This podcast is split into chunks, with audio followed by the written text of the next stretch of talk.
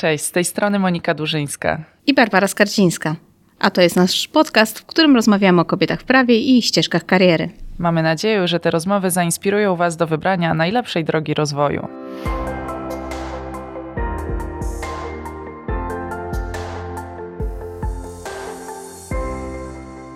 Zapraszamy Cię do wysłuchania nowego odcinka podcastu Zawód Prawniczka. Dziś gościmy radczynię uprawną Sabinę Ublitek.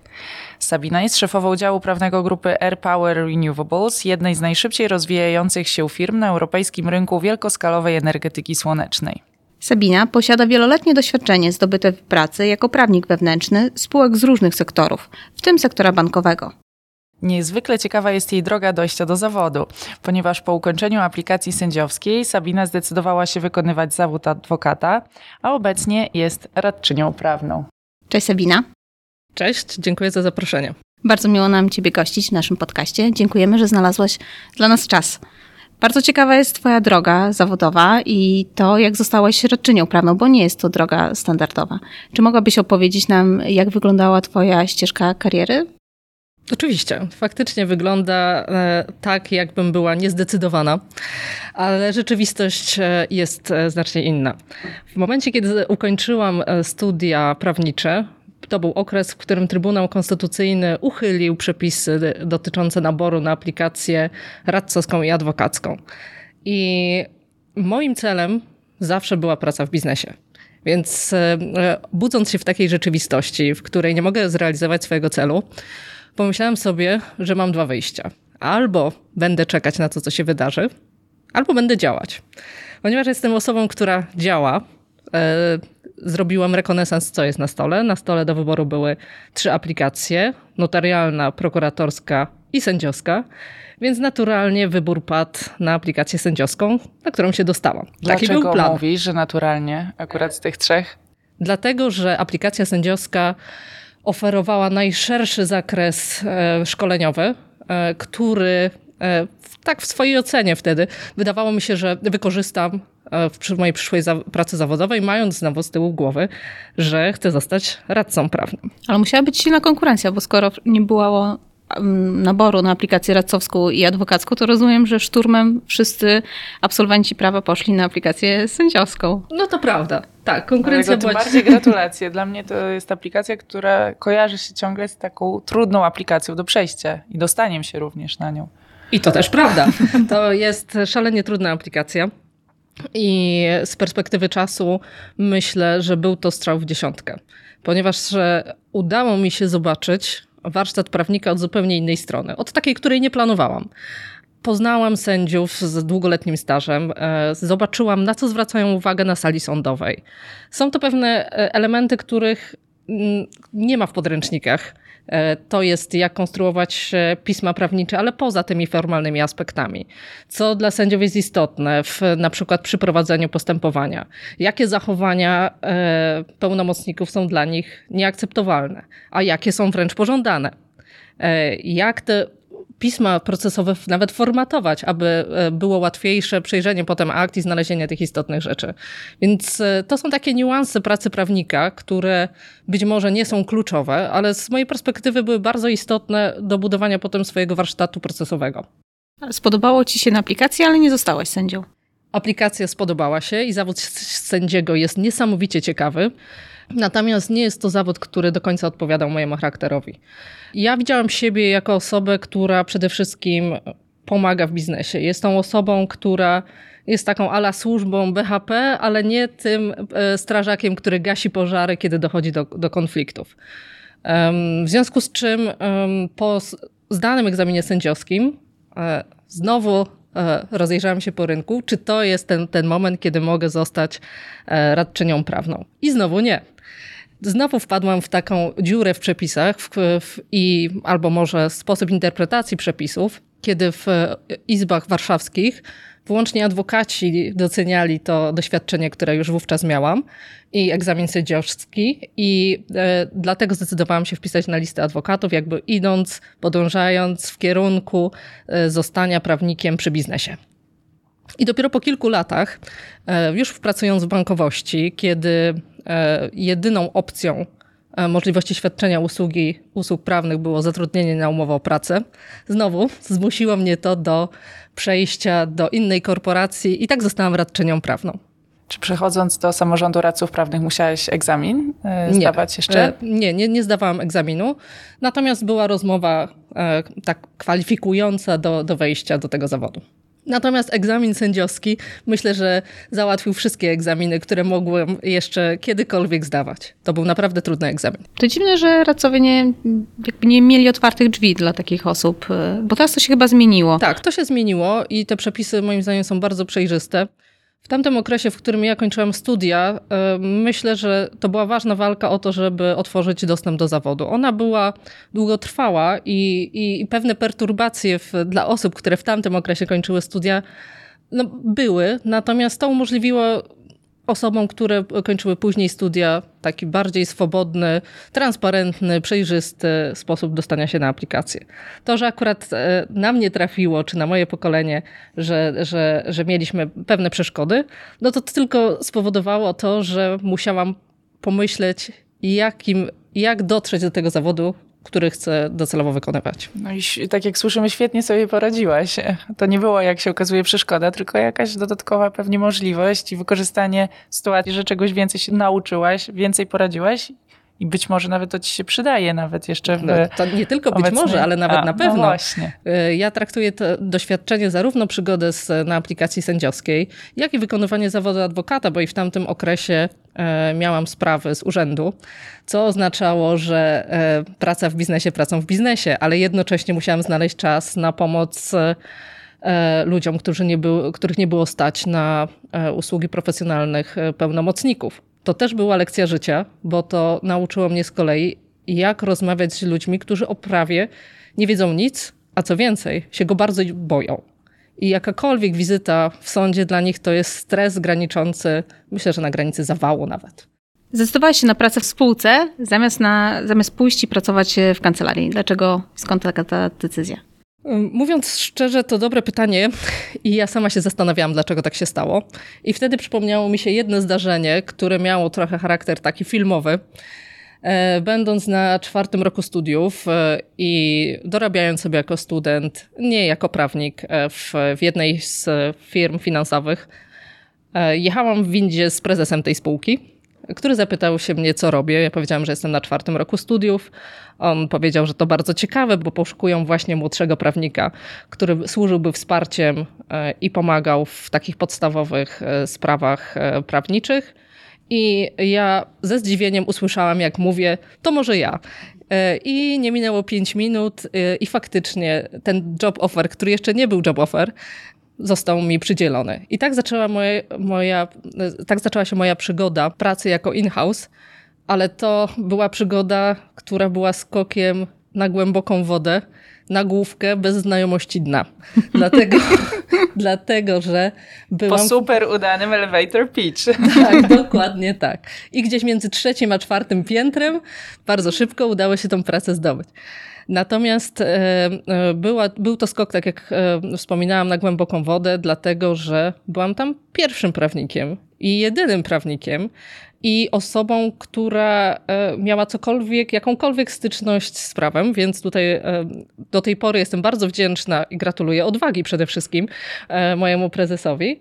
Natomiast była to też taka szansa, którą ja przyjęłam bez zastanowienia. Z perspektywy czasu myślę, że trochę brawurowo podeszłam do tego, aczkolwiek wtedy wydawało mi się, że to jest wielka odwaga.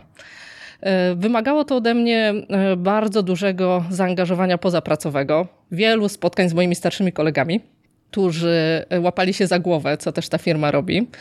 Natomiast e, no, tak jak wspominałam, były to bardzo podstawowe rzeczy. E, weryfikacja e, reprezentacji, czy, czy dana umowa jest dobrze sporządzona. Więc w mojej, z mojej perspektywy nie było to jakie, jakieś rocket science, natomiast na pewno było to coś, co dało mi kopa do tego, żeby uwierzyć we własne możliwości, że nie ma takiego zadania, i myślę, że to od tego się zaczęło, że nie ma takiego zadania, z którym bym sobie nie poradziła, bo a wiem, że mogę zapytać, i B, e, nie bałam się, że nie wiem. Myślę, że to była taka pierwsza pierwsza moja, e, moja styczność z byciem in-house'em. A potem to już się potoczyło. Kolejna spółka wybrała mnie, biorąc pod uwagę moje niebagatelne doświadczenie, e, które zdobyłam w czasie studiów. Była to spółka doradztwa finansowego. Tam również pływałam w szerokim oceanie i też byłam jedynym prawnikiem i pierwszym prawnikiem, który ustawiał procesy, który e, myślał razem z zarządem, jak pewne instytucje ubrać w, w ramy prawne. To był okres, kiedy firmy doradztwa finansowego były świeżym zjawiskiem na rynku, ale bardzo dynamicznie się rozwijały. W związku z tym to też była pierwsza spółka, w której ja zatrudniłam osobę, która to mi pomagała. Potem bardzo sprawnie przeszłam e, do, do, do bankowości i to była duża zmiana dla mnie i duża też e, ze względu na doświadczenie i e, ze względu na to, że pracowałam w dużej grupie prawników i z bankowości dość, zaczynając oczywiście jako in-house, taki jedno, taka osoba, która była no, na najniższym szczeblu, po, po kilku latach stałam się osobą, która zarządzała jednym z zespołów w pionie prawnym. W momencie, kiedy zdecydowałam się na przejście do branży energii odnawialnej, tych osób miałam już 22 i aktualnie pracuję w bardzo, bardzo ciekawej, bardzo dynamicznie rozwijającej się e, branży energetycznej. Ale jest jeszcze jeden epizod z mojego życia, z którym chciałam się e, Wam podzielić. To jest takie wisienka na torcie. Miałam epizod z założeniem własnej firmy. E, była to firma. Którą... Nieprawniczej. Nieprawniczej. Była to firma, którą założyłam wspólnie z moimi kolegami z, z firmy z doradztwa finansowego był, był i jest to nadal butik inwestycyjny, e, w którym e, pomyśleliśmy, że e, inwestycje w 2007 roku to jest świetny pomysł na biznes. I były to inwestycje alternatywne, inwestycje w sztukę, inwestycje w wina, inwestycje w whisky, coś czego nikt w Polsce nie robił. I dla mnie jako prawnika też to było bardzo duże wyzwanie, dlatego żeby E, instytucje, które znam prawnicze, dopasować do, do tego, co chcieliśmy robić. Dlatego moim ulubionym przepisem e, z, z całego prawa jest artykuł 353 prim kodeksu cywilnego, który mówi o swobodzie zobowiązań. Mogę się domyślić, że akurat ten butik inwestycyjny w dzisiejszych czasach e, całkiem dobrze się rozwija. W dzisiejszych tak, natomiast... Nie, nie był to idealny moment na rozpoczęcie działalności. Dokładnie tak. To była bardzo duża lekcja życia dla mnie, dlatego że przed rok 2008 który spowodował, że po roku bardzo dużej prosperity, szybkiej prosperity, um, musiałam zdecydować się na opuszczenie tego miejsca, żeby zapewnić sobie po prostu um, możliwość przeżycia finansowego.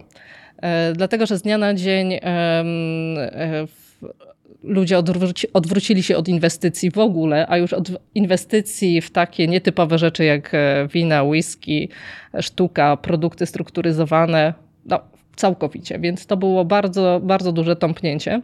A dla mnie samej, jako prawnika, bardzo taka dobra lekcja do tego, żeby pomyśleć, co dalej i czy płynę z prądem i załamuję się tak jak rynek, czy też e, jednak e, przeciwstawiam się temu i szukam jakiegoś, jakiejś drogi dla siebie. I to był ten moment, kiedy zdecydowałam się, że jednak bycie in-house'em, e, rozwijanie się w, w takich większych organizacjach, to jest ta ścieżka, którą ja chcę podążać. A co lubisz najbardziej w pracy in-house'a? Ja myślę, że w ogóle w pracy prawnika bardzo lubię możliwość stałego rozwoju bo to jest e, wręcz taki nieodłączny e, element tego zawodu. E, z jednej strony nasz ustawodawca funduje nam ciągłe zmiany w prawie i, i nadążenie za zmianami to jest konieczność no, tak naprawdę przyswajania no, ogromnej ilości wiedzy, ale z drugiej strony, będąc prawnikiem w biznesie, to jest też no, możliwość rozwoju wraz z biznesem. Żeby być dobrym prawnikiem, trzeba być na bieżąco. Ostatnio rozmawialiśmy ze znajomymi, e, jak tłumaczą dzieciom, co robią. I moja koleżanka e, powiedziała, że ma taką siedmiolatkę i no nie była w stanie jej wytłumaczyć. W końcu wpadła na pomysł i powiedziała jej: Wiesz, ja rozwiązuję takie zagadki. I te zagadki są czasami trudne, czasami takie łatwe, ale to jest takie pasjonujące. I wtedy dopiero dostrzegła, że córka popatrzyła na nią z uznaniem. I, e, I ja też tak postrzegam ten zawód. I dla mnie to jest bardzo fajne, że zawód prawnika daje możliwość rozwoju, ale też e, trochę jest takim zawodem ze znakiem zapytania. Nigdy nie wiem, co, jakie zadanie mnie czeka, ani też nie wiem, czy e, przedstawiając mi jakiś problem, nie na wszystkie problemy mam od razu rozwiązanie.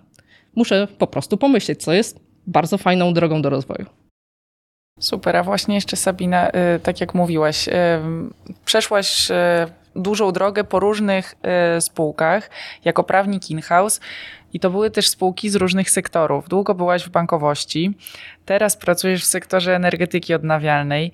Czy z perspektywy prawnika to jest ciężkie, żeby tak całkowicie zmienić branżę? Mimo, że ciągle jest, pracuje się w dziale prawnym, no ale jednak z całkowicie innym biznesem się pracuje. Jeżeli to jest trudne, to jak, jak sobie poradziłaś? Mhm.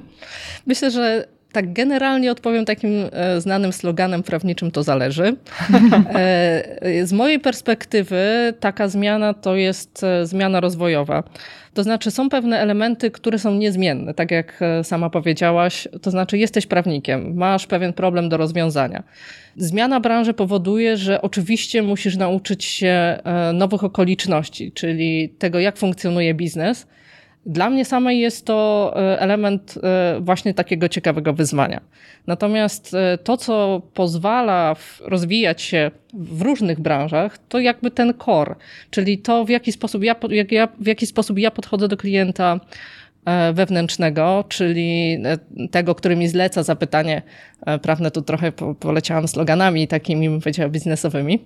Przede wszystkim liczy się komunikacja. W momencie, kiedy prawnik wewnętrzny, czy taki in-house, jest w stanie dobrze się skomunikować z osobami, czy na niższych szczeblach, czy na wysokich szczeblach, to jest w stanie skomunikować się w, w moim zdaniem, w każdej branży. Przedstawienie rozwiązania problemu prawnego, czy sposobu, sposób przedstawienia tego problemu nie zależy od branży. Zależy przede wszystkim od tego, żeby się dobrze komunikować. I to było coś, co sama przyznam, że musiałam, w czym musiałam się mocno podciągnąć. Wydawało mi się na początku, że w byciu prawnikiem chodzi o to, żeby zgłaszać jak najwięcej uwag. A to zupełnie nie o to chodzi. Nie chodzi o ilość e, uwag. Chodzi o to, żeby rozumieć biznes i rozumieć, które z tych uwag e, prawniczych są istotne. A wyłapanie istotności problemu, czy istotności ryzyk prawnych, no niestety nabywa się z doświadczeniem. I to jest coś, co, co, co uważam, że było taką też sporą lekcją życia dla mnie, żeby rozumieć, że nie muszę nagle powiedzieć teraz wszystkiego, bo mam pięć minut. Jak w pięć minut mogę powiedzieć o tych wszystkich ryzykach, które mam w głowie? Więc ta selekcja problemów, e, sposób ich przedstawienia moim zdaniem jest kluczowy i to pozwala też na odnalezienie się w każdej branży.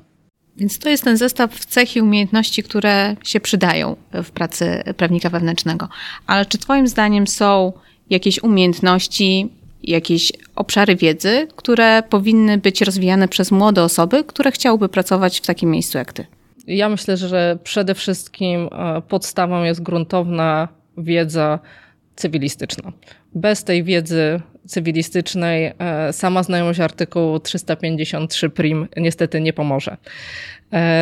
Więc e, taką dobrą radę, jaką mogła przekazać swoim młodszym kolegom, to przede wszystkim e, to nie jest tak, że to, czego się uczymy na studiach, jest oderwane od rzeczywistości.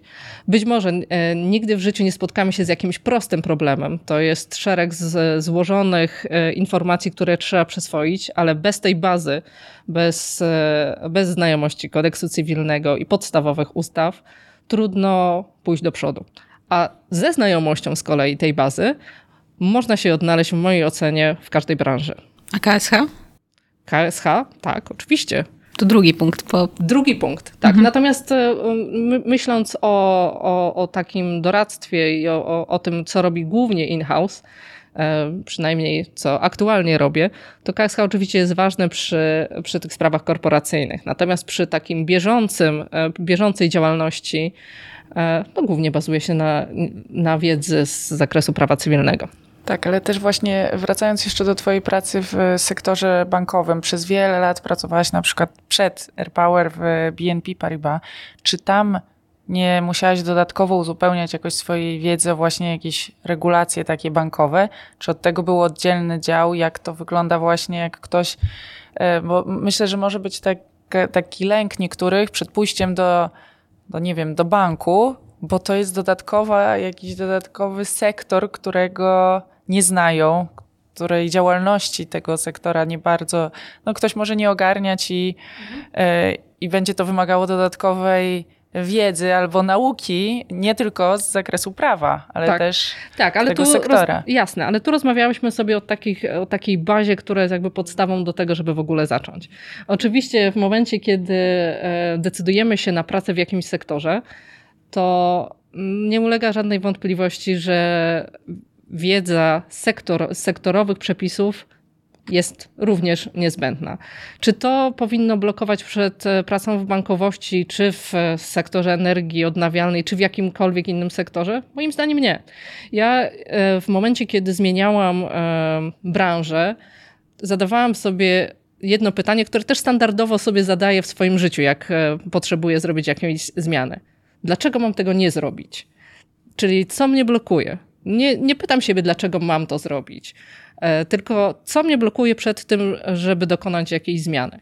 I w zmianach zawodowych, i w zmianach prywatnych zazwyczaj jest to strach. A jeżeli jest to strach, to przed czym? Jeżeli przed brakiem wiedzy, to bardzo prosto można e, to naprawić pewną samoedukacją. Ta wiedza sama nie spłynie, tu nie ma się co czarować praca taka e, samodzielna jest konieczna do tego, żeby e, dobrze odnaleźć się w sektorze, w którym się pracuje.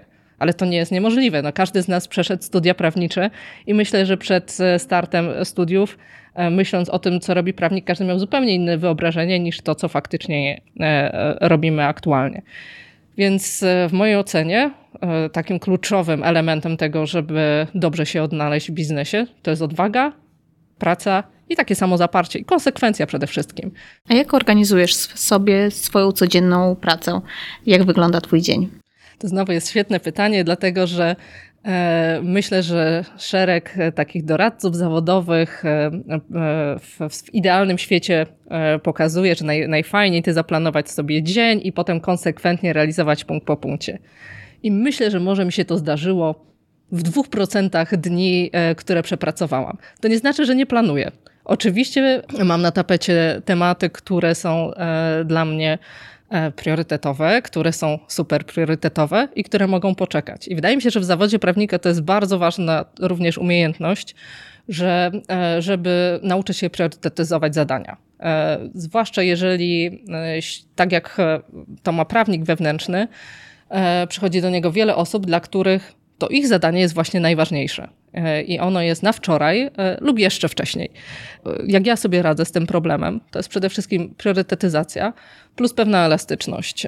Nie ma takiego dnia, w którym nie wpłynęłoby coś na zaraz, ale też to oznacza, że Muszę wtedy umieć szybko reklasyfikować swoje zadania, tak żeby wiedzieć, czy to zadanie na wczoraj to jest naprawdę na wczoraj, czy jednak z tej kategorii, że jeszcze może poczekać.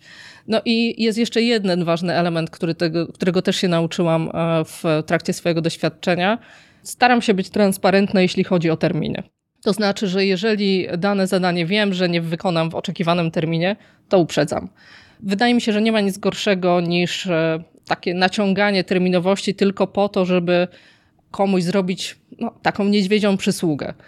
Z doświadczenia wiem, że w momencie, kiedy um, moi odbiorcy wiedzą, na kiedy mogą się spodziewać odpowiedzi, również sami sobie łatwiej planują swoją pracę. To, to ja mam takie pytanie, bo y, to jest coś, co się przejawia w naszych różnych rozmowach, jak y, rozmawiamy z prawnikami in-house gdzie właśnie mimo tego, że ktoś sobie planuje dzień, to potem jest 10 różnych zleceń, które z każdej strony napływają, z każdego działu. No i tak jak mówisz, ciężko jest wtedy zaplanować e, dzień. I często ten dzień też się pewnie przedłuża versus tego, co ty sobie zaplanujesz, nawet w życiu prywatnym. Nie wiem, może jakieś spotkanie z przyjaciółmi albo e, nie wiem, cokolwiek innego. To powiedz, jak zachować taką równowagę między właśnie pracą zawodową a jakimś życiem prywatnym, jeżeli dużo rzeczy może w ciągu dnia naprawdę wyjść niespodziewanych. Mhm.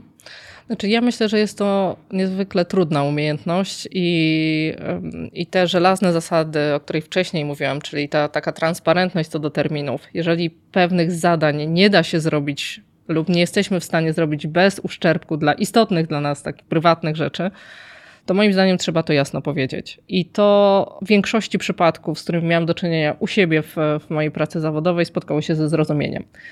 Natomiast e, Zdaję sobie sprawę, że część osób, zwłaszcza młodszych, uważa, że jeśli nie wykonają jakiegoś zadania już natychmiast, to świat się zawali i spadną na nas wszelkie plagi i będzie kataklizm. Nie chcę absolutnie tutaj e, wskazywać, że odkładanie zadań na później to jest coś, co jest e, preferowane przede, przeze mnie, bo ja jestem zdecydowanie duerem i osobą, która dąży do załatwienia i dla mnie efektywność jest najważniejsza. E, natomiast w, w mojej ocenie ponownie priorytetyzacja zadań na to musi być czas. To nie może być y, tak, że czujemy się nagle przygnieceni za zadaniami. Myślę, że każdy miał taki moment w swoim życiu, że, że myślał, że już się z tego nie wygrzebie, bo nie wie za co ma się wziąć, w związku z czym kręcił się w kółko. To jest dobry moment, żeby pójść sobie zrobić kawę, żeby przejść się 5 minut, przewietrzyć, żeby się zastanowić, co teraz i od czego zacząć. Um, niestety praca prawnika w, również ze swojego doświadczenia wiem, potrafi w, wpędzić w taki kołowrotek e, i człowiek może się zorientować nawet po kilku tygodniach, miesiącach, latach, że jest w tym, w tym kołowrotku. Ale musi być ta refleksja, że czas wziąć oddech i spojrzeć na to z boku, że to nie jest tak, że jesteśmy jedynymi filarami sukcesu biznesu. Prawnicy są osobami, które mają, mają pomagać, mają być właśnie tą służbą BHP, która przestrzega przed tym, żeby, żeby doszło do pożarów ale prawnik, który jest przemęczony, jest prawnikiem nieefektywnym. I na koniec dnia wszyscy na tym tracą. Więc e, dla mnie e, mam taki swój patent na to, jak się przed tym zabezpieczyć, bo oczywiście nie jestem wolna od, e, od pracy ponad miarę, czy historycznie nie byłam wolna. E, natomiast e, w swoim życiu jakby wprowadziłam taki jeden element, to nazywam to takim zahaczeniem e, rzeczywistości prywatnej. Mam zawsze jakiś nietykalny moment, na który czekam. To są głównie dłuższy urlop. Jest to urlop, w którym ja muszę się zregenerować, bo inaczej nie jestem w stanie pracować tak wydajnie, jak normalnie pracuję. A dłuższy to znaczy ile tygodniowy? O, to jest minimum dwa tygodnie. To jest absolutne minimum. Czy są jeszcze jakieś inne nawyki, które wypracowałaś w drodze, na swojej drodze zawodowej lub e, w czasie aplikacji, które ci pomagają? Tak. Mam taki jeden swój e, mały nawyk.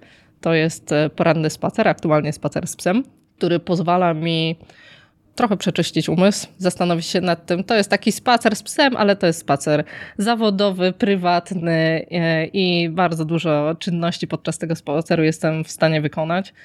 To jest E, moment, kiedy ja się zastanawiam, co ja mam dzisiaj do zrobienia. Oczywiście w międzyczasie, tak żeśmy rozmawiały, wpada jeszcze e, wiele innych rzeczy, ale które te rzeczy są najważniejsze? I to jest, e, to jest coś, co jest dla mnie ważne, żeby wiedzieć, że na przykład ja jestem pasjonatką tenisa, grywam w tenisa, jest to dla mnie ważne. Grywam w brydża, jest to dla mnie ważne więc jest to również na liście e, zadań priorytetowych na dany dzień, nie tylko sama praca. Y, dużo podróżuję, dlatego też wspominałam, że że te wakacje są dla mnie jakby takie kluczowe. Jestem fanką różnych statystyk, na mojej liście już ponad 120 krajów e, i nie, zam, nie zamykam się. Dążę do tego, żeby tą listę zamknąć. Jestem osobą, która lubi ustawiać sobie cele i je po prostu zdobywać. E, tak jest w życiu prywatnym, jest w życiu zawodowym, więc to jest jakby sposób na to, żeby zachować zdrowy balans. A jeśli trzeba, no to mam też osoby bliskie, które mi powiedzą: hej, chyba coś jest nie tak. Zastanów się, co z tym zrobić. No i też masz e, inne osoby w swoim zespole. Ty jesteś szefową działu tak. prawnego, więc rozumiem, że możesz sobie na to pozwolić, żeby rozdzielić pracę pomiędzy członków swojego zespołu. To znaczy, to jest tak, że oczywiście e, e, bycie szefem zespołu w jakiś sposób ułatwia planowanie sobie zadania, ale jednocześnie, e, żeby nie być gołosłownym, wymaga też od szefa, żeby szanować ten czas wolny innych i ten, te godziny pracy, którzy inni też chcą sobie przestrzegać. Więc dla mnie to jest ważne, że pracując z ludźmi, szanuję ich jako pracowników, ale też ich jako ludzi. A jak stawiać granice? No bo to jest też tak, że jak jesteś szefową, to pewnie od ciebie ciągle chcą to coś, ktoś coś od ciebie chce. Czyli jak jedziesz na ten urlop dwutygodniowy, to jednak nie możesz wyłączyć tego, tego maila i ten telefon. I tu, tu się pojawia to pytanie, a dlaczego właściwie nie? Aha. Super, powiedz nam, że tak można zrobić. Właśnie, że tak trzeba. Ja myślę, że można. Pytanie, y, czy. Bo oczywiście też no, nie będę tutaj czarować, że będąc na jakimś wyższym stanowisku, to jest y, w 100% możliwe. Natomiast, y, natomiast w mojej ocenie w momencie, kiedy jasno postawi się sytuację, jak chce się spędzić urlop i że to dla wszystkich będzie z korzyścią. Pierwsze dni urlopu są takim momentem odtajania. Jeszcze te ostatnie pytania, a gdzie to, a gdzie tamto, a gdzie mogę znaleźć tą umowę, a jakie są uzgodnienia, a z kim mam to potwierdzić. Ja to kalkuluję jako też um, coś, co jest elementem um, mojej pracy. Natomiast przychodzi ten moment, że naprawdę dacie sobie radę. To też jest element e, takiego zaufania e, do swoich pracowników, e, bo przecież to nie jest tak, że ja jestem na zawsze, zwłaszcza, że zmieniałam branżę. To nie jest tak, że beze mnie biznes nie funkcjonuje, nie było mnie i funkcjonował.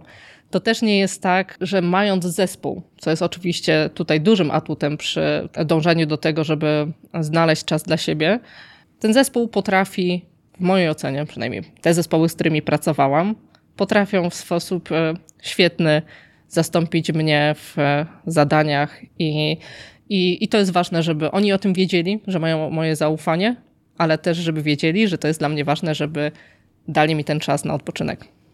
Super. Sabina, zadaję ostatnie pytanie, które zadajemy chyba wszystkim naszym gościniom w tym podcaście. Masz już spore doświadczenie zawodowe, biznesowe. Powiedz, czy zastanawiałaś się nad tym, albo czy może teraz chcesz się zastanowić i odpowiedzieć nam pytanie, na pytanie, jakiej rady udzieliłabyś swojej młodszej ja z perspektywy czasu? Ja myślę, że to jest e, kilka zdań. Po pierwsze, bądź odważna, wierz w siebie i wszystko będzie dobrze. Bardzo dziękujemy, Semina, za Twój czas. Dziękuję. Dzięki. Jeśli wysłuchałaś, wysłuchałeś naszego podcastu do końca, zakładamy, że podobało Ci się. Jeśli tak jest, proszę poleć nasz podcast swoim znajomym i nie zapomnij subskrybować. Każdy głos jest dla nas ważny.